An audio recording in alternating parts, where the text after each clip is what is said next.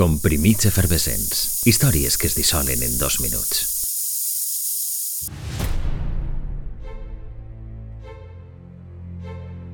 Havia passat vora un any de l'intent d'assassinat a la plaça de Sant Pere de Roma.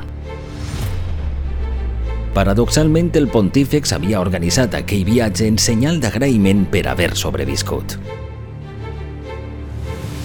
Però no sabia que el destí encara li reservava un altre sobresalt. Un 12 de maig, el capellà espanyol Juan Fernández contractava d'apunyalar Joan Pau II al santuari de Fàtima concretament a l'explanada del recinte en els minuts finals d'un acte religiós.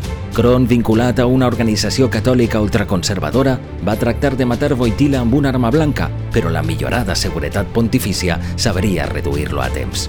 Davant la justícia portuguesa, admetria que tenia intenció d'assassinar Joan Pau II perquè estava convençut que era un espia secret de la Unió Soviètica. Passaria uns quants anys en presó i finalment seria expulsat del país. A diferència del primer intent d'assassinat a Roma, esta agressió no tingué apenes repercussió mediàtica. Pot ser perquè el cercle més pròxim a Joan Pau II va mantindre en secret algun dels detalls significatius que no serien desvelats fins després de mort. El 2008, en un documental, el secretari privat del pontífex asseguraria que Voitila resultà ferit lleu en aquella agressió al santuari de Fàtima. Uns fets que es guardarien en secret durant 26 anys, des del 12 de maig de 1982.